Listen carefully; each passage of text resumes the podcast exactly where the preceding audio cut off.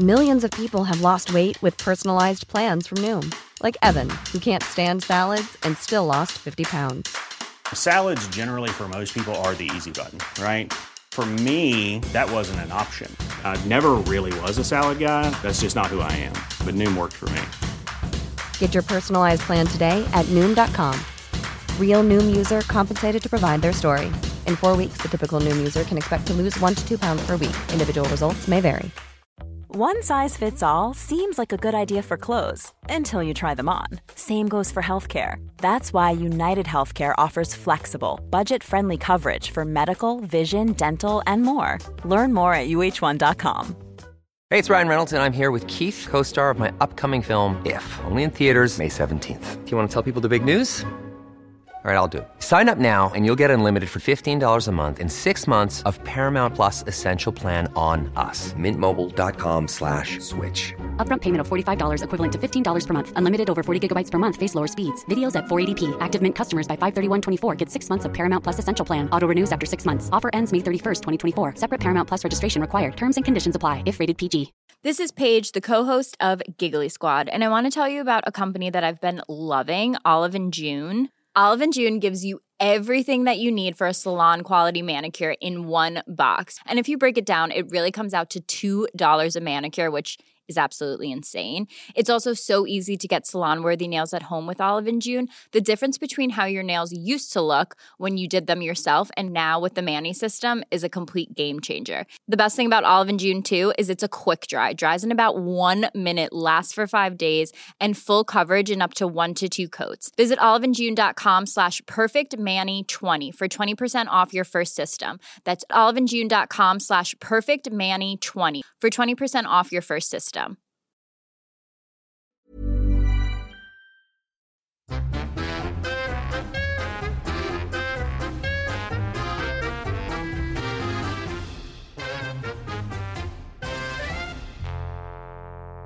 Välkommen tillbaka, Ann Tack. Söderlund. Förlåt, två veckor tillbaka. Två veckor tillbaka. Förra veckan var jag med. Försök Ja, det var det. Förlåt försök mig, Inte, förlåt mig. Jag är så ful att du inte vill ha mig här. ja, ni pratade om eh, en podd som jag helt har missat. Det handlar om en podd om Anna Bok och hela hennes liv, leven och gärning. Vad jag har förstått så var den en och en halv timme lång. Ja, men den här podcasten Oförskämt att anta är ju en podd om fulkultur så att säga. Där dessa två kvinnor eh, som driver podden, de gör ju lite så här eh, som min favoritpodd Haveristerna, gedigen research på helt Ja men vad ska jag säga? Nej, men alltså, saker som man verkligen inte behöver researcha. Det finns ju liksom inget intresse för allmänheten att veta huruvida Anna Bok har ljugit om en specifik maträtt, om hur hon har vuxit upp, vem hennes pappa egentligen är. Alltså det är inte av allmänintresse. Hon har ju inga liksom politiska åtaganden, hon har absolut ingen reell makt utan det här Inga är en... pengar, Nej, inga pengar. ingen Alltså, status. Nej, så det är en podcast enbart för att håna och förlöjliga olika typer av personer som de tycker är lite roligt att så här, göra sig lustiga över. Jag tycker det är en vidrig podcast. Jag, jag, jag eh, framhärdar i det. Eh, det är en riktig så här, klassisk mobbar. Alex Schulman på Stureplanstiden. Liksom. Mm. Men det jag inte förstår är ju att en sån här podd ens får uppmärksamhet och skrivs väldigt mycket om. Ja, men med metoo hoppades jag trodde ändå att mycket av mobbarkulturen skulle försvinna. Men det har den inte gjort och nu tycker jag att den oförblommerat är på väg tillbaka. Kanske mycket för att vi lever i en tid av krig och klimatförstörelse. Ingen bryr sig längre. We're gonna die anyway. Och då är det här i alla fall någonting som är tydligt och roligt. För fulkultur är ju mycket tydligare än vad finkultur är. Eh, men jag tänkte, kommer du ihåg när Trams-Frans eh, påpekade då, eller sa att Anna Boks ravioli inte var hemmagjord utan ur burk. Det är också sån jävla mobbarstil att ge sig på någonting som en människa har passion för. Det är ungefär som att säga så här, ja men du ser ut som liksom en groda när du rider. Trodde du att du skulle kunna så här, se ut som en adelsfröken typ? Ja, men förstår du? Det är så här, att man ger sig på både personan och passionen. Vilket blir så här dubbelmobbing. Sen är det som vi ska ta bladet från munnen så är det tydligen då 2023 okej att mobba människor som inte har eh, tillträde till finkulturen. Mm. Men här kan man också göra skillnad för vissa schlagermänniskor som Anna Bok har liksom försörjt sig på eh, sedan hon var 16 anses ju ändå som väldigt fina. Ta Loreen till exempel. Vem skulle göra en sån här podd om henne till exempel? Nej, nej. Nej. Hon, hon kvalar inte in. Och jag kan säga Hon är så här, smal och vacker. Ja, hon är Det är smal bara vacker. det det är bara det det handlar om. Ja. Så det, det räcker inte med att man... Eh, som man kan man ju komma undan med att se ut som ett härke. Liksom. Man kan väl ändå säga att här, genom historien så har rika kulturella människor med makt varit stora och tjocka männen i alla fall för att det har visat på pondus att man har råd med mat hit och dit. Men det här har ju sakta men säkert slimmats med åren att även männen eh, liksom ofta är då vältränade och liksom lever på någon form av ja, vad ska man säga, blodutgjutelsediet. Men, men det finns ju fortfarande män såklart och kvinnor som är stora och som får tillträde till finkulturen. Inte kvinnor i och för sig, men vissa män eh, som du påpekade. Men, eh, Men alltså så här, för en kvinna, oavsett vilken typ av kapital du bestämmer dig att försörja dig på. Om det är det kulturella kapitalet, om det är liksom ett ekonomiskt kapital som typ entreprenör. Det är spännande för du och jag har ju precis just nu varit på ett föredrag av den danska entreprenören Pernille. Pernille Lotus, ja. Och alltså herrejävlar, där, där har du en snygg kvinna. Mm. Och vilken story. Och vilken jävla story. Gud. Ja men gode gud. Och liksom så här, Berätta lite om hennes story, den är Ja, väldigt men, spännande. Pernille Lotus är dansk så här, VD för... Eh, hon byggde helt enkelt influencer marketing eh, branschen i Danmark. Alltså hon var liksom den första att ta, ta den marknaden kan man säga. Så hon eh, startade och skapade Cube som är eh, ett eh, liksom influencer marketingföretag där man säljer som mikroinfluencer kan man liksom koppla upp sig mot Cube och så får man massa olika dealar så att man kan tjäna pengar på sitt konto. Och det var hon Finns som, även i Sverige. Finns även i Sverige, finns i hela Norden. Och eh, nu har hon sålt Cube då för ett så här mångmiljonbelopp. Men hon kommer ju liksom från en extremt trasig bakgrund. Hon har haft ett gravt kokainmissbruk. Hon har vuxit upp i ett trasigt hem utan pappa. Hennes mamma fick hon fick cancer i bukspottkörteln. Eh, så hon blev liksom föräldralös när hon var 11 år och tog hand om sin lillebror. Eh, typ. Så hon, hon eh, har verkligen gjort hela den här entreprenörsresan helt själv. Utan utbildning och är liksom en av Danmarks största entreprenörer och makthavare kan man säga. Digitala makthavare. Och hon är ju så sinnessjukt snygg. Kan man säga det? Ja, sinnessjukt. Många danskor är ju det. Och hon drog också under sitt föredrag, vilket var lite osvenskt. Nej, men hon berättade ju att en stor del av hennes framgång handlade om att hon fick en miljon av en dansk gubbe för att hon ville starta Cube. Och hon sa lite så här skrattande att så här, nog visste jag att han gav mig de där pengarna för att han ville att jag skulle ligga med honom. Mm. Mm. Och jag, det första jag sa när jag hade fått pengarna det var att det kommer aldrig hända. Och tre månader senare så blev de ju ihop. Precis. Så, så lätt är det grabbar. Men så, nej, men, och det slog mig så här. Kvinnors absolut främsta kapital. Och där kan man tycka vad fan man vill om. Men tyvärr tror jag verkligen att det är så. Det är skönhet. Alltså, är du tillräckligt snygg så behöver du inte oroa dig för någonting. Och det är inte någonting som jag bara tror utan det finns ju otaliga studier som bevisar detta. Att snygga människor är lyckligare än fula. Det är så jävla hemskt. Och vi kan ju förklara det med att vi lever i ett kapitalistiskt samhälle som pumpar oss fulla med de här idealen och med det här eventuella då kroppshatet eller ja, vad ska man säga, fulhatet som man upplever om man inte når upp till gängse skönhetsideal. Men samtidigt så har ju det här beskrivits i alla tider, i all, genom historien. Att det är någonting som gör att kvinnor liksom kan ta sig från eh, så här, bottenskrapet till toppen. Och det, jag, jag tänker när, när det beskrivs då rent historiskt, innan det fanns då bilder eller ens att eh, ja, det kanske var de allra mest rika som blev då nedklottrade på någon form av porträtt som då var förskönande. Mm. Så mycket bråk som man hört om. Så, så där ser jag inte ut. Jag har inte den där näsan. Men du sa ju Adelsparre att jag skulle måla dig så som du såg ut. Mm. Nej, Dorian Grays liksom porträtt. Man vill inte se ut som man ser ut om man inte är otroligt vacker. Mm. jag tänker så här, Karin Månsdotter som liksom drottning av Sverige som var en musa en, en, från liksom en bonunge. Ja, hon beskrivs som de här stora blå ögonen och barmen hit och dit. Det har varit helt omöjligt att ta sig någonstans i den här världen som kvinna om du inte har haft ett sexuellt kapital som då har föranletts av ett utseendekapital. Mm. Och det är precis som du säger, jag tycker det är väldigt intressant den här ganska nya forskningen som gjordes efter corona angående betygen på Uppsala universitet. Mm att det visade sig att när man inte längre såg eleverna. Mm. så vad hände då? Jo, de snygga eleverna fick mycket sämre betyg. Ja. De fick samma betyg som de fulare eleverna, mm. vilket då liksom blev ett ramaskri. Och där förklarades det ganska, liksom, ja, det var ju ganska tydligt att när man inte ser då eller blir hänförd av någons eh, vackra utseende, då är det inte lika viktigt. Eh, då blir inte kognitivt, du blir inte kognitivt förtrollad, så då blir du mer skärpt när du ska sätta betygen.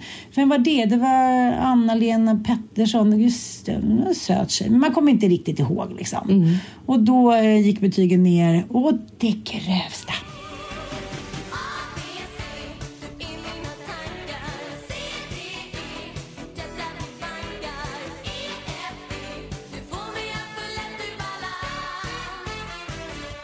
Och det här föranleder ju oss att prata om Läckis sommarprat. Ja, vi, vi ska försöka göra det här på ett liksom stringent och koncist sätt. Vi försöker liksom vrida och vända på det analytiskt. Vi vill, vi vill inte att det här ska vara någon form av mobbing. Vi försöker bara så här, ta reda på vad som är vad. Kan man säga så? Och till att börja med så måste jag säga, instämma i kören att det var ett väldigt modigt sommarprat. Mm. För det här är ju någonting som jag som har följt eh, Läckberg så länge på Instagram, för hon har ju en så här eh, hon har ganska mycket besserwisser i sig och det kan jag känna igen mig Det har jag också. Men just när det kommer till utseendet och kroppen så eh, ser man ju på hennes konto att hon gömmer sig. Och hon kan inte låta bli att älska att lägga upp bilder på sig själv när hon är liksom som hon själv då tycker är snygg, det vill säga när hon är smal. Hon är liksom så här så otroligt dubbel till att hon vill älska sin lite då eh, kurvigare kropp. Samtidigt så vill hon absolut inte lägga upp bilder på sig själv när hon är eh, kurvig. Och hon står inte ut med eh, riktigt hur hon ser ut. Alltså hon har gjort operationer. Det har hon också varit öppen med. Mm. Av näsa, läppar va. Och det här med näsan är också så här. Nej men då menar hon att hon har gjort den av liksom hälsoskäl. Mm. Vad är det för hälsoskäl? Nej men att hon ska ha fått näsan tror jag liksom, ja men att hon ska haft på olika sätt svårt att eh, andas. Snark, ja, jag vet inte riktigt. Men samtidigt så ser man ju att det är en estetisk operation. Liksom. Mm, mm. Så hon är inte riktigt öppen med att hon har gjort då den här operationen för att bli snyggare. Det kortet drog ju Gina också. Ja, Gina gjorde, alltså, många skäms ju över att man vill operera sig för att bli snyggare. Mm. Utan då drar man massa olika hälsoskäl. Uh. Nej men jag tycker så här, men Gina till exempel, där är det ingen som frågasätter för hon har kulturellt kapital och hon har även ett annat kapital eftersom hon eh, är av, eh, att hon inte har ett svensklingande efternamn. Så att hon är för kreddig så hon kan säga lite vad fan som helst och ingen ifrågasätter det. Och det tycker jag också är Ja, men ingen, ingen ska väl egentligen bry sig, tänker jag, huruvida man har gjort en operation. Nej, Problemet men är ja, men det, så här, eh, för mig blir det bara väldigt så här, dubbla budskap. Äh? Att hon vill ju väldigt gärna omfamna liksom alla kroppar, alla ansikten. Alla ska få se ut som de vill. Vi ska sluta med det här kapitalistiska eh, skitidealen som gör att vi hatar våra looks och, och vårt, uh, vår kropp typ. Samtidigt så kan hon inte låta bli att hata sig själv. Och det är det det här sommarpratet handlar om. Ska vi lyssna lite? Mm. Hur mycket väger flodhästen nu? Vad tror du i kilogram? Jag tippar på 90 plus minst. Gråhårig med grav övervikt. Fy fan en sån fläskfia som rullar runt i sängen och tar upp plats för tre personer. Simon sover på soffan. Det är en av de många kommentarer som nu fyller tråden av mig på Flashback.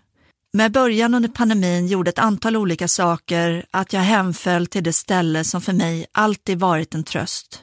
Mat. Jag har gått upp 20 kilo. Och det är en oförlåtlig synd i vårt samhälles ögon. En svaghet att förakta, att håna, att kommentera. Min kropp och dess utseende är allmän egendom och domen är hård.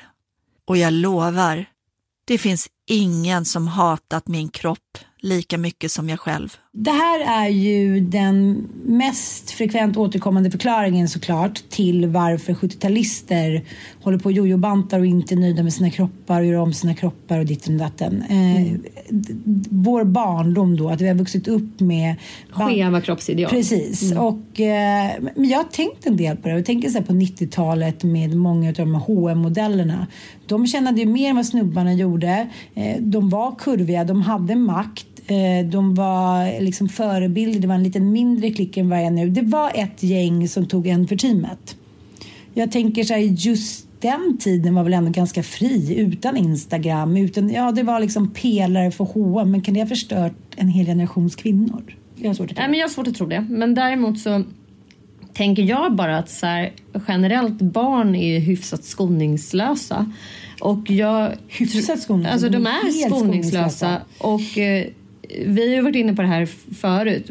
Mitt liksom nyväckta eh, eh, vad ska jag säga, jag ska inte aversion snarare än hat liksom, mot skoltiden. Mm. Att, vi blir att vi blir placerade i roller och i fack där vi sen liksom tvingas befinna oss under en väldigt, väldigt lång tid när man kanske inte känner sig hemma. Mm, alltså väldigt tidigt när man går i första klass vet. så vet man om man är ful eller snygg ja, till exempel. Det är det jag menar. Mm. Det är så, Söt eller ful. Ja, Tjock eller smal. Mm, det är de facken som finns. Mm. Eh, rolig eller tråkig, tjock eller smal, snygg eller ful, bra på sport eller inte bra på sport, bra i skolan, inte bra i skolan. Och det som hela tiden är liksom den härskade graalen över alla de här andra facken det är om man är snygg eller ful. Ja, alltså du, du kan aldrig kompensera att vara bäst i klassen med att vara snyggast i klassen. Nej. Alltså alla, skulle jag säga, under min skoltid valde hellre senare, att vara snygg än bra. Ja. För det var de man beundrade. Det mm. var liksom Sanna Löves. Det var, alltså det var de snyggaste tjejerna. Mm. De var förebilderna. Inte de som var bäst i sport eller var bäst på att sminka sig. Det var de som var de snyggaste brudarna som man då tyckte lite rent naturligt. Ja, mm. och då kan man ju tänka så här.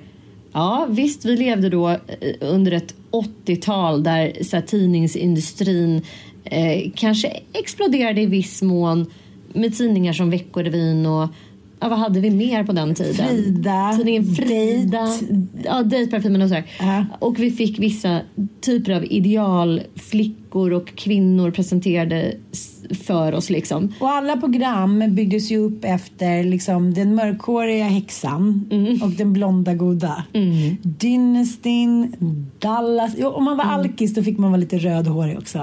det var väldigt Suellen mycket... i Dallas bara. Ja, det ja. var väldigt mycket liksom Disneyfierat. Det var så här, den goda och den onda, bröderna Grimm all, liksom alla, jag ska säga, alla tv-serier och alla filmer och alla liksom, eh, ja, skönhetsideal byggdes ju upp då efter typ Askungen och ja, liknande sagor. Ond och god, snygg och fin. Och den mm. blonda var alltid den vackra Lex Askungen. Men om du tänker på din egen så här, mellan ettan och trean eller kanske hela vägen upp till eh, nian då, mellan ettan och nian.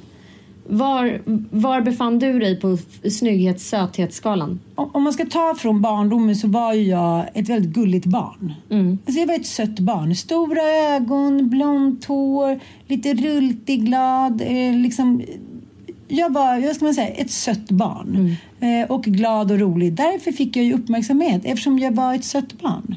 Mm. Och så fick jag uppmärksamhet i skolan, i förskolan, liksom för att jag var ett sött och ganska smart barn. Vilket också var en härlig kombo såklart. Och eh, det här har ju fortsatt liksom hela mitt liv att människor har tyckt att jag har varit söt och snygg. Sen kanske jag eh, liksom låtsas om att jag inte kanske har nyttjat det eller utnyttjat det och jag kanske inte har gjort det på Anita Clemens sätt, förstår du? Så här, ja, men använt mina attribut. Jag säger det med den äran. Liksom. Och det kan vi känna att det kanske jag kunde ha gjort lite mer när man inser hur lätt det är.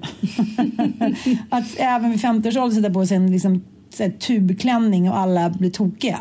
Men på senare år så har jag börjat tycka att det är roligt att använda mitt skönhetskapital. Mm. Sent om sidor. Men jag inser Men det är väl också... kanske också för att man märker att det håller på att försvinna.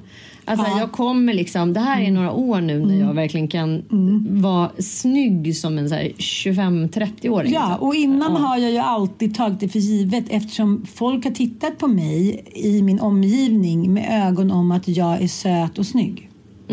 så att det är ingenting jag ifrågasätter först nu då när jag känner så här, gud nu kanske man har fem, tio bra år inom situationstecken. Så att jag tror att det som det handlar om är att man kan vara liksom förnäm och fåfäng på ett snyggt sätt som inte är liksom se på mig, säg att jag är snygg, jag vill ha uppmärksamhet. Det är mycket finare än att liksom kräva blickarna, förstår du? Jag, eh, jag känner mig eh, som att jag absolut inte var en av de sötaste i min klass. Utan att jag var någonstans kanske i mitten. Alltså så här, antingen, alltså så här, verk, verkligen inte någon som var så utmärkande vacker. Och då kan jag ju säga så här. Jag hade ju liksom utåtstående öron när jag var liten. Jag var jättekort. Jag var så kortast i klassen och vägde minst i klassen. Och hade ganska sneda tänder innan jag fick tandställning. Liksom. Ja men verkligen Foxas mamma. Och så så att, nej jag var inte en av de absolut sötaste ungarna. Det fanns så barn som jag kunde se som jag var så här. "Åh, Gud det här är en docka. Så där, ja, tänk om man såg ut så där. Och det här är liksom en, en skoningslös verklighet som man blir varse. Och vi hade ju ständigt massa så här 70-talslärare som är så här, spelar ingen roll hur man ser ut, alla är lika mycket värda och alla, man spelar ingen Man roll bara- var man ingen kommer fattar ifrån. någonting. Man bara, alla men bara, varför ja ja, pumpa. Alltså, de kunde sitta och pumpa i barn dessa liksom Falskheter. falskhet. Nej men på något sätt så här, barn är skoningslösa ändå och det har ingenting med uppfostran eller dålig uppfostran utan jämförelsen ligger i liksom mänsklighetens Historia. Eh, historia och beteende. Att vi hela tiden liksom skapar ett jag utifrån vad vi inte är och vad vi är. Och jag är ful, jag är snygg. Alltså så. När jag lyssnar på Läckbergs sommarprat så tänker jag att hon är modig. Men jag tycker också att jag saknar liksom en lite större fucking analys. Om man nu ska göra ett sommarprat, för jag tror hennes tredje gång hon gör det. Så räcker det inte riktigt för mig att hon bara så här gråter ut om sitt kroppshat. Jag, jag tycker hon borde kunna vara lite mer educating. Det som är inne nu på stora sociala mediekonton. Att man faktiskt bemödar sig om att så här, inte bara så att säga göra den här klassiska sommarpratan. Att buhu, jag har hatat min kropp hela mitt liv. Buhu. Mm, jag fattar, jag fattar. Utan så här, ja, varför hon inte bara... det? Varför, Vad handlar det om egentligen? Ja, är vad handlar det egentligen? kroppen? Är det det här? Alltså, kunde hon ha så här droppat några studier eller någon liksom så här sociologisk... Alltså så här, Det var bara en några teorier. Det är bara den här känslan hela tiden. Och det, det kan jag säga så generellt om sommarpraten att jag är ganska trött på det greppet. Och sen fattar jag att hon är skitsmart för hon riktar sig till en publik som kanske inte är så jävla akademiskt bevandrad eller intresserad av analys utan det räcker för dem att man gråter över att man känner sig ful. Liksom. Ja, för Mm. att man själv kan spegla sig i det. Liksom, åtta av tio eller nio av tio människor kan ju det. Och man slipper känna sig ensam. Ja, de talar för det. Det är som The Loneliest Whale in the World som den här dokumentären Mm. heter. Att alla är så här, där simmar han omkring i havsljud hamn.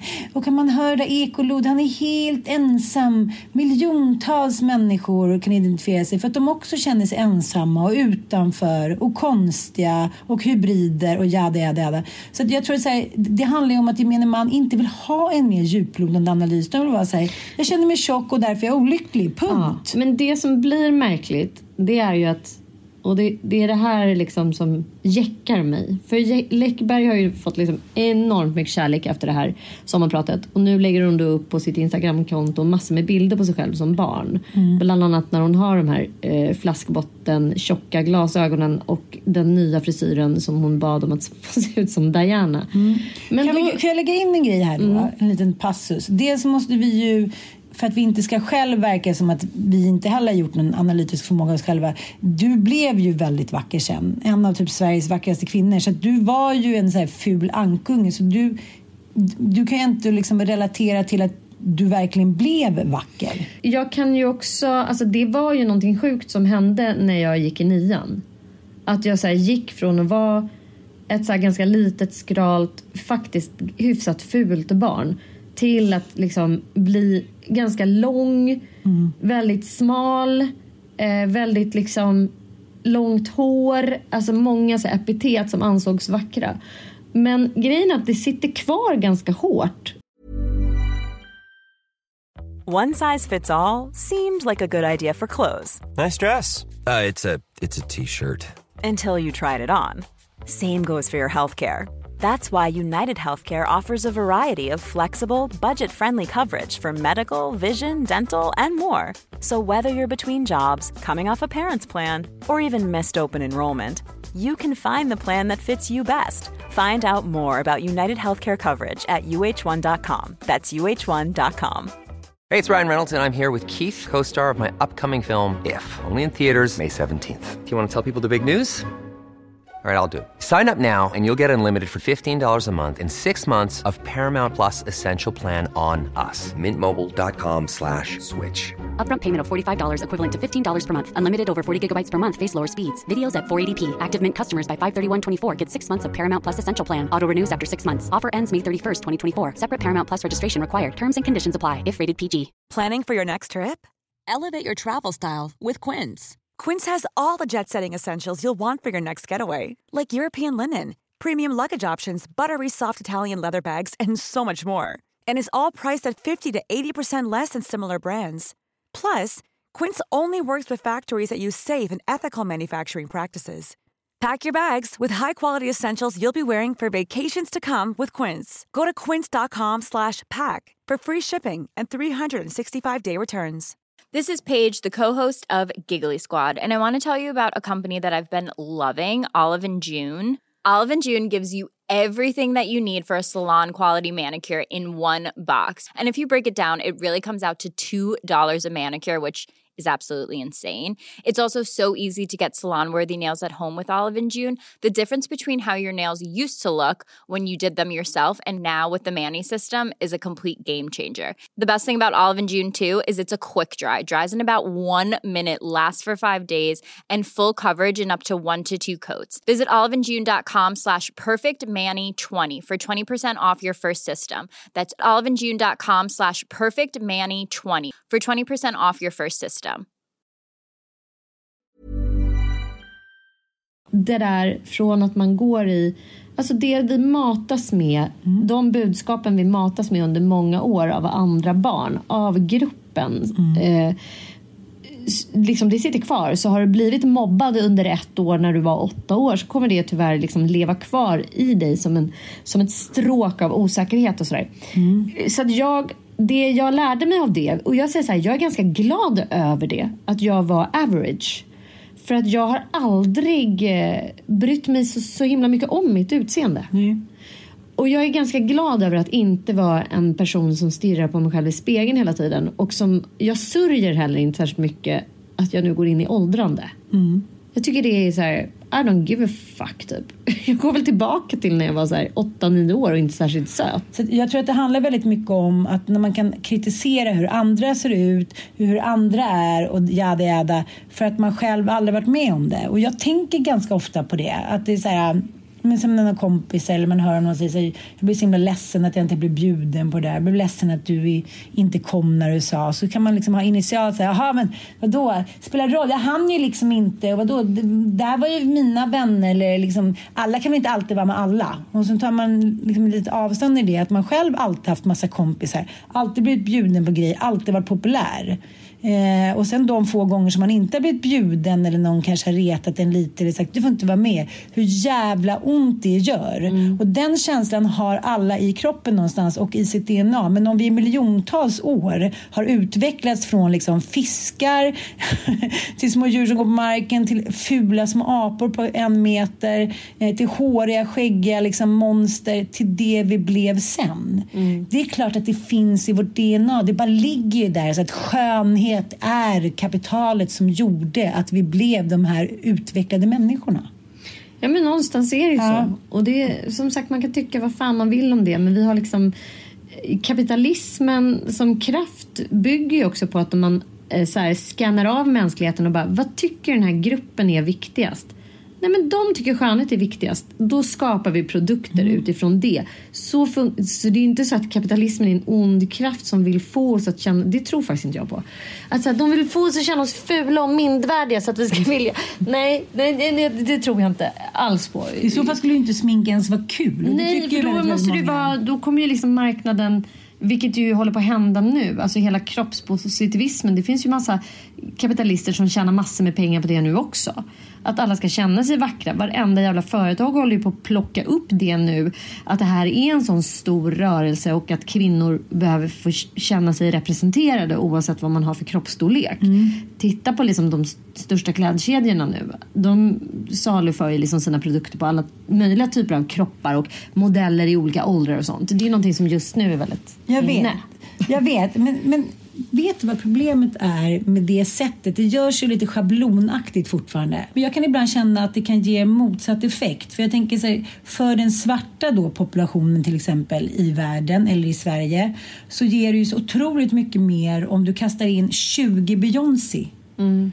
Eh, med liksom stjärtament och kändisskap och styrka och girl power än om du gör att liksom slänga in någon eh, liksom tjej som är svart och som är, kanske inte är modell men in med det i kampanjen bara. Ta med en, det vet man ju hur, liksom branschen är. Ta med en tjockis hit och dit och så någon som är ginger, någon med fräknar, någon kanske ska ha två, ett halvt ben också.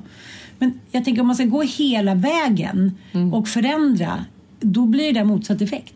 Jag, Jag kan hålla med om. Jag tycker det känns lite som greenwashing. Att det är Ja. så här, oj det måste ha representation nu, så här, upp med fingret i luften och bara, eh, vad är det som gäller? Det blir så här väldigt ängsligt Mm. och det känns väldigt så här. Samtidigt tänker jag att det, någonstans måste det ju börja liksom. Fast då kan man göra det med det ögat, att det också ska vara så här snyggt och skärpt och fint och alla ska få liksom möjligheten att vara sitt bästa jag. Så tycker inte jag att det känns nu. Nej. Det är bara en inkvotering för att det ska vara så, för att man är rädd för att liksom det onda ögat ska läggas på en typ. Annars skulle de inte fortsätta använda liksom, till exempel Bianca Ingrosso som, som har ätstörningar. Det skulle ju aldrig gå. Men de tar ju det för de vet att det är det som säljer. Mm, jag vet, det är det. Och det, det, det är så här, hur mycket man än använder sig av representation och olika typer av kroppar så är det ändå den smala kroppen och det snygga ansiktet som kommer sälja mest. Det är, det är så jävla deppigt så det är inte klokt. Men det är så det ser ut bara. Och eh, jag vet inte riktigt vad, vad som är lösningen på det här problemet. Men jag tror tyvärr inte att lösningen eh, heter liksom kropps, kroppspositivism. Det är den människan som gör den här kampanjen, eller de människorna, tar de här människorna på fullt allvar. Okej, okay, de kanske inte ser ut som Beyoncé, men we're gonna make them look like fucking Beyoncé. Men istället, så här, in lite snabbt där har vi den och sen den där utan ben. Eller jag vet inte, jag kanske är ute och cyklar. Det har ändå funnits perioder i, vår historia. Eh, och jag menar, vi har ju erfarit det här under Kim Kardashian-eran. Att man faktiskt vill skapa en fylligare kropp.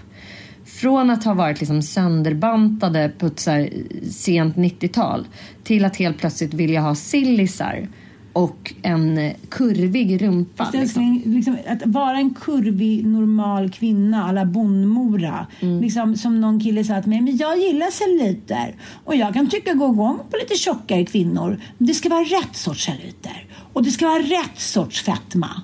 Man bara, okej, och vad fan är det då? Ja men du vet, det är så här, nu ringer vi son och snackar ut om så här, rakt nedstigande led, vilka som var hans modeller. För de var ju också rätt fetma. Förstår Mm, du? Och Kim Kardashian då som har opererat stjärtamentet, som har opererat brösten. Hon är ju som en ängel i liksom Michelangelos tavlor. Mm. Det är tuttarna och sen så är det liksom stjärtamentet men det är ändå helt platt mage. Perfekta långa lår. Så liksom, det går inte att jämföra. Utan hur vi än gör så sitter det i om man var en ful unge eller en tjock söt unge. Ja, jag vet. Det. Och om man var en smal unge eller en liksom Ja, en vacker unge. Det, är så här, det finns i oss hur människor tittar på oss med blicken. Det, den är självklar den där blicken. Jag får vara med. Jag är i Kassam. Jag deltar. Jag kommer få hjälp även om jag blir pank. Även om jag är dum mot min partner. Även om jag liksom kanske inte är värd det här. Eller om jag vill starta ett företag som hon dansken säger. Då finns det alltid någon där som tycker att man är härlig och snygg och vacker och då blir man per automatik också en rolig underhållare ofta. Man har mycket anekdoter för man är med om mycket grejer. Man har stålar, man får med i den här världen, man blir bjuden på grejer. Så det handlar inte om att man är snygg och liksom underhållande. Det är ju någonting man blir på vägen. Ja, och att man bygger på sin personlighet för att det Ja. kanske känns lite väl platt att bara vara skitsnygg. Men, Tillbaka till Camilla Ja, då. Mm. tillbaka till Camilla. Så, så jag tänker att så här, hennes stora problem när man ser bilder från hennes barndom tycker jag inte verkar vara att hon är ett mulligt barn. Nej, hon är inte dugg Nej, hon är utan inte det är att hon- Andersson. Inte är vacker. Mm. Och liksom det verkar vara den stora så att säga Smärtan i henne. smärtan i henne. Liksom. Och, och det blir lite konstigt då tycker jag att hon, hon ägnar hela det här sommarpratet åt eh, att forma kroppen eller inte, att bli tjock eller smal. När det är någonting mer, alltså att vara tjock är, det är inte, det är inte svaret, det är faktiskt ansiktet eh, skulle jag säga är viktigare än kroppen. Och håret. Och håret såklart. Och det som också är den stora skillnaden när hon beskriver då, som en jätterolig bild, att hon gick som man gjorde då på 80-talet och sa jag vill se ut som den och den. Jag vill ha en permanent som den. Jag vill se ut som den. Jag vill ha kläder som den. Det var väldigt betingat till en viss person. Och då gick hon in och sa jag vill klippa mig som Diana. Eh, Jag vill ha Diane, prinsessan Dianas frisyr. Men nu återkommer vi till det här igen. Att även eh, liksom, ja, men, de flesta såg ut som härken i det. Men de vackraste barnen var ju jättevackra även i en dålig frisyr. Jag menar det. Det var så mycket dåliga frisyrer. Jag kommer ihåg att det är stålugg. Jag hade hockeyfrilla. Jag var liksom skallig på huvudet. Så det var några långa testar. Men jag var ju ändå brunbränd och söt i ansiktet. Så det liksom, jag kom ändå undan. Men om man inte är då snygg eller söt eller vacker. Då blir det ju inget kul. Och då är det man ser i spegeln. Och vackra människor kan se ut hur som helst. Det ser man ju på punken eller så här, klipper av mig håret, jag rakar av mig håret. Eh, Sinead O'Connor, det går typ Precis. inte att göra henne Nej, ful. Man men bara det går på inte. Demi Moore. Nej, det Nej, gick nej. inte. Vi jobbar på. Bort med hår. Lera i ansiktet. Ändå bara, jag vill se ut sådär. Jag vill ha den där frisyren hit och diten. Du är liksom grundsnygg och du går med det hela livet. Med den lilla segerhuvan så här. Människor tittade på mig på det här sättet. Och jag, jag lyssnade... Det var en kompis till mig som eh, gifte sig för ett tag sedan och hon var den enda dottern och väldigt söt. Och det var ju väldigt roligt liksom hur det beskrevs att de här brorsorna de fick åka till ett så här Säffle camp på liksom semestern och eh, medan hon sa ja men då måste vi väl åka om hon vill åka till Paris och Disneyland då måste vi göra det. Man ser henne på födelsedagen med prinsessgrejer, stora tårtor och grabbarna är på här, ja men så här hopp och slängland. Att, nu kom till slut den vackra dottern och det var ingen som ens orkade låtsas om att det var det viktigaste som hade hänt i den familjen. Så att man får också mycket favörer med att man är söt för då framstår man genast också som ch- charmig. Ja men verkligen. Och så här, sen kan man ju inte uttala sig men jag, jag, om, om man inte vara liksom underskön alla så här... Nej, det är ingenting jag påstår. Nej, men men det- populär och söt är väl ganska stor skillnad på så här underskön som Ja, vissa ja, är. ja. Men jag tänker som vi pratade igår om Paulina Porriskova. Mm. Eh, har varit supermodell i många år. Klipp, gift med Rick Osek som var frontfigur i The Cars. Hon rymde ju då. Eh, hennes mamma kom från Polen och flyttade till Sverige. Hon var så underskönt barn som folk blev besatta av. Så de där söta tvillingarna också. Mm. Så säger, nej, man bara sitter och tittar på dem och tänker så, här, hur kan Världens här, vackraste barn. Ja, hur kan det här skapas? Hur kan det vara så här jävla perfekt? Så var ju Paulina också. Eh, men nu blev ju hon, hon lämnade sin eh, gamla gubbe då och sen visade det sig att när han dog hux flux eh, så var hon inte inskriven i arvet. Och där har hon skrivit mycket om tycker jag med den äran också så väldigt sårbart att jag hade älskat honom i 30 år och sen var han sjuklig och gammal och jag kände att jag måste gå vidare. Och då skulle han straffa mig in i döden.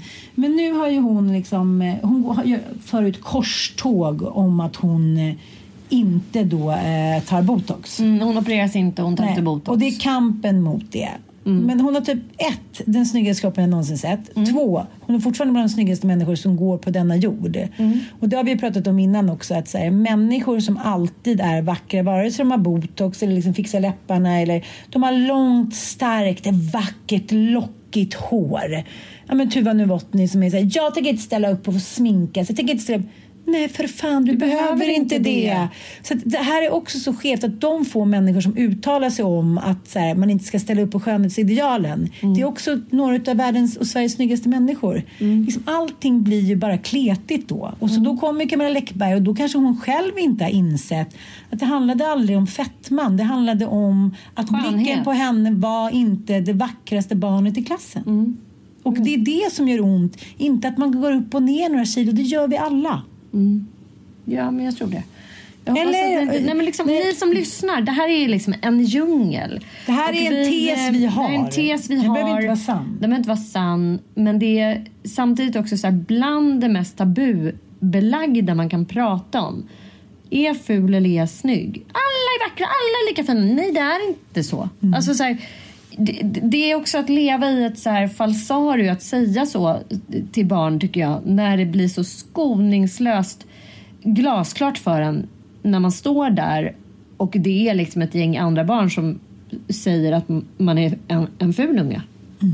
Alltså, ja. Och sen kan man vara hur älskad som helst av sin mamma och sin pappa och sina brorsor och, och liksom andra släktingar. Men det är ändå uppenbart, för det är i den där äh, samvaron tillsammans med sin skolklass liksom, som man på något sätt formar ett ID, ett jag, ett vem är jag i världen? Liksom, känsla. Och sen är det som du är inne på, det kan hända skitmycket. Cissi Wallin är ju ett väldigt roligt exempel på det också. Hon brukar ju också lägga upp bilder på sig själv som barn och hon var ju definitivt inte ett vackert barn. Nej. Men blir ju sen liksom att få ett helt otroligt jävla utseende som är ja men super, hon är ju så vacker och, och ser så unik ut liksom. Ja. Nej, men det är väl det som jag skulle vilja säga till Camilla. Att hon är ju en jätte, jättesnygg kvinna. Så jag tror inte det handlar så mycket om att hon eh, liksom väger så mycket lite, lite. Det är någonting som sitter i oss, en, en självbild vi har. Och det är jobbigt och det är inte särskilt lätt. Men man måste också säga man måste ändå ta ansvar när man har så många som lyssnar och så många följare. Det är inte bara det det handlar om.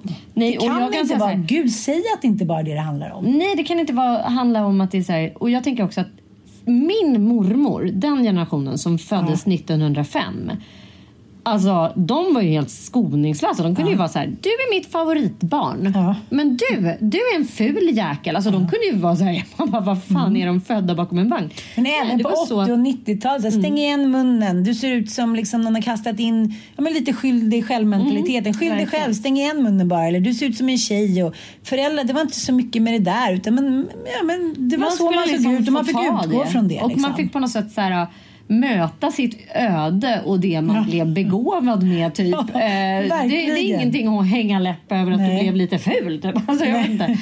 Eller lite Men- dålig på sport. Du kan Nej. göra något annat. Du Och kan det kanske inte- städa. Det kanske inte behöver vara ens livs sorg heller. Alltså, man kanske kan bli vän med det. Att det finns en otrolig tillfredsställelse i kontroll. Att ha kontroll över sin kropp och tycka att den är fin. Att ha kontroll över sitt utseende och tycka att det är liksom det bästa man kunde göra. Och det har ju Camilla gjort. Hon har gjort det bästa hon kan göra av sitt utseende och är skitsnygg. Så att, ja, det, det är inte hela hennes värld att hon har gått upp i vikt. Och det går att ta ett sabbatsår och gå ner i vikt om man tycker att det är det viktigaste. Ja, men det Förlåt som jag jag, tycker, nej, men jag blir också krass över att hon beskriver anledningen till sina viktuppgångar förklarar, hon, förklarar hon med stress. Mm. Och det är väldigt vanligt att man eh, bara, "Nej, men jag är så stressad och därför bara Eh, och jag har all, hon säger också att hon alltid har ätit eh, för att trösta sig på olika sätt. Alltså för att lindra och döva. Mm. Det är och inget ovanligt. Nej, det är Man- inget man- ovanligt. nej. Men det som är märkligt det är ju liksom att när man är mångmiljonär Mm. och superkänd. Varför måste man fortsätta jaga framgång och stressa så mycket då? Det undrar jag över. Alltså så här, varför kan man inte som du säger ta ett sabbatsår Mm. och bara stänga ner sina sociala medier, stänga ner hela sin framgångsfabrik ett litet tag. Och hitta tillbaka och till hitta tillbaks var. till någon typ av så core. Ja. Det känns som att hon skulle behöva det. Men kan det vara så att hon som kanske på något sätt vill ha revansch från barndomen och vill ha den bekräftelsen att hon är för framgångsrik är lika med vacker kanske för väldigt många. Så hon kan liksom inte sluta jaga den där smogelringen. Liksom hon bara... Jag, tror att, jag vet att Bengt Olsson sa det till mig, du vet författaren Mm. och krönikören. Han skriver för övrigt väldigt rolig spalt i Amelia där Jag han vet, svarar på så här i många år. Nej, men det är för roligt Ja, när han svarar på. Ja. Eh, han är lite filosofiskt och Han är också ganska som skoningslös. Äh, ibland. Så Ja, skoningslös. här, nej, men gå ut Ja. och knulla med någon då. Alltså, det är liksom lite så gamla tiden så här, vad ska jag säga, så här, folkparksmentalitet. Ja. Ja. Men han sa eh, att han skrev sin första bok enbart eh, för att ta revansch liksom, på sina klasskompisar och så här, ungdomsvänner. Liksom, vänner. att så här, skapa sig en plats som han inte tyckte att han hade på något sätt så här, i efterhand.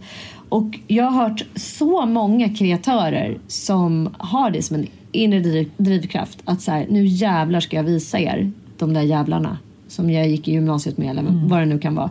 Där man kände sig osynlig, där man inte fick någon som helst uppmärksamhet, där man inte hade något kapital som gick hem just i den gruppen. För det är ju också någonting som är så här skrämmande tycker jag att man kan vara ett osynligt barn i en klass och sen plockar du det barnet och sätter den i en annan skola. Helt plötsligt så bara blir en helt annan dynamik. Då, för att där liksom var det en helt annan dynamik och det tycker inte man ska vara så jävla rädd för Nej. när det gäller barn att faktiskt eh, liksom, ja, Ja. Känner man att man befinner sig i en grupp som har starka så här, hierarkiska drag. För det är inte alla barngrupper som har det heller tror jag. Nej, nej. Men där man verkligen har fått stämpeln som en så här ful tjockis. Plocka ungen därifrån alltså. För det finns liksom sunda barngrupper också tror jag. Och det behöver inte vara just att det är liksom, ful tjockis. Det kan vara att man hamnar med liksom några kompisar som man har helt fel dynamik med så Mm. allting går åt helvete hela tiden. Det blir bara så här, in i väggen igen, in i väggen, det blir fel, fel. Det har jag gjort med flera av mina. Man känner sig, nej men nu, nu hamnade du fel, i fel dynamik. Nu spelar du någonting som inte var. Mm. Nu får vi byta skola. Och det är också en utmaning och det, det har blivit bra varje gång. Ja, att man får liksom börja om. Man får starta på noll. Man slipper liksom bära på en historia tillsammans. Liksom. Eh, nej men super. Allt sånt här är skitintressant och jag tror ändå att det är så viktigt liksom, att eh, uppmärksamma eh, att det finns skoningslösa barn där ute som skapar, liksom hjälper till att kreera en självbild för resten av ens liv. Jag tror att den kontexten den är, det är den man ska vara uppmärksam på. Kanske Kanske, att man väger ett par kilo för mycket när man är 45. nej, precis. Orsak och verkan. Mm, exakt, och att det lever kvar i oss. Ja. Jag vill en grej innan vi avrundar den här podden faktiskt ge er som lyssnar ett eh, tips, ett sommartips. Vi befinner oss i Båstad. Ja, vi sitter här, vi har precis badat eh, uppe på rooftop på Skansen hotell. Och jag har ju varit här mycket i min ungdom och barndom med pappa som var tennisskribent också för Expressen. Så jag känner mig så himla hemma. Men det är verkligen ett fantastiskt hotell. Det ligger jättebra vid stranden, alla faciliteter, superhärliga rum, eh, god mat. Nej, men det är så här perfekta spahotellet med brudarna. Eller med snubben. Ja men det är det. Det är så sjukt mysigt här. Eh, De har ett litet kallbadhus som man kan gå ut och det är en ljuvlig bastu. Det är en varm liten pool, liksom som en källa där man ligger ute på den här piren. Och sen är det då havsbad. Eh, Och Bjärehalvön, den här delen av Skåne är ju sjukt va- Alltså det är så vackert här. Det är någonting med havet som är men jag vet inte och jag älskar ju generellt hela västkusten just för att det är så ett riktigt hav, det är riktigt tång, det är riktigt salt. Det är riktigt salt och det tänkte jag på när jag skuttade ner igår. Jag så här, Ja. kändes som Medelhavet men det håller sig på rätt nivå. Mm, på- på- det, känns, ja. det är fräschör. Det är det, det är fräschör. Ja. Det är en enorm fräschör.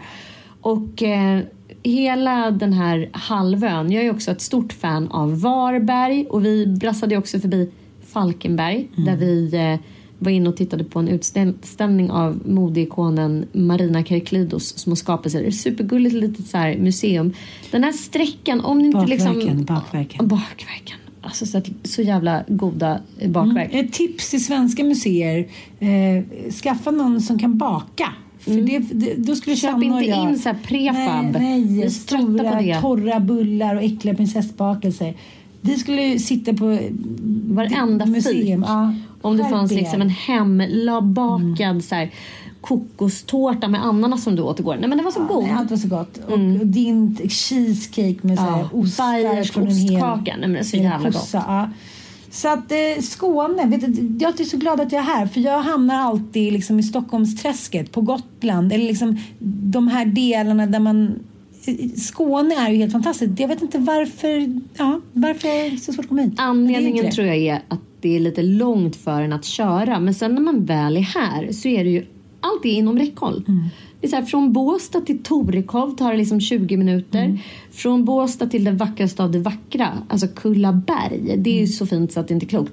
Ja, men det är så här, vad är det, 35 minuter. Det är så nära till allt. Mm. Man kan brassa över till Österlen och vi ska ju avsluta då våran vistelse här med eh, Vanås konstpark, eh, alltså en skulpturpark som ligger i, i då lilla samhället Vanås som är, ja, ja men faktiskt. Hotell Skansen Båstad, världens härligaste spahotell och det är öppet året runt. Jag kan verkligen tipsa om det. Jag med. Vi går i god. Nu ska vi, Går i på, god. nu ska vi på drinch. Drink. Puss och kram, ha det så härligt.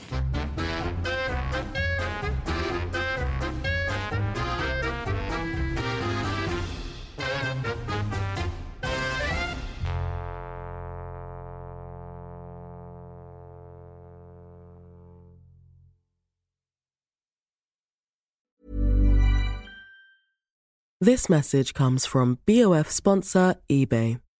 You'll know real when you get it. It'll say eBay Authenticity Guarantee. And you'll feel it.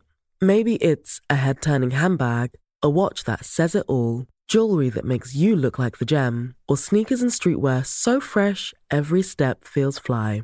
eBay gets it. So look for the blue check mark next to that thing you love and be confident that every inch, stitch, sole, and logo is checked by experts. With eBay Authenticity Guarantee, you can trust that feeling of real is always in reach. Ensure your next purchase is the real deal. Visit eBay.com for terms. Imagine the softest sheets you've ever felt. Now imagine them getting even softer over time. That's what you'll feel with Bowl and Branch's organic cotton sheets. In a recent customer survey, 96% replied that Bowl and Branch sheets get softer with every wash. Start getting your best night's sleep in these sheets that get softer and softer for years to come. Try their sheets with a 30-night guarantee. Plus, get 15% off your first order at bowlandbranch.com. Code BUTTERY. Exclusions apply. See site for details. Hey, it's Paige DeSorbo from Giggly Squad. High quality fashion without the price tag. Say hello to Quince.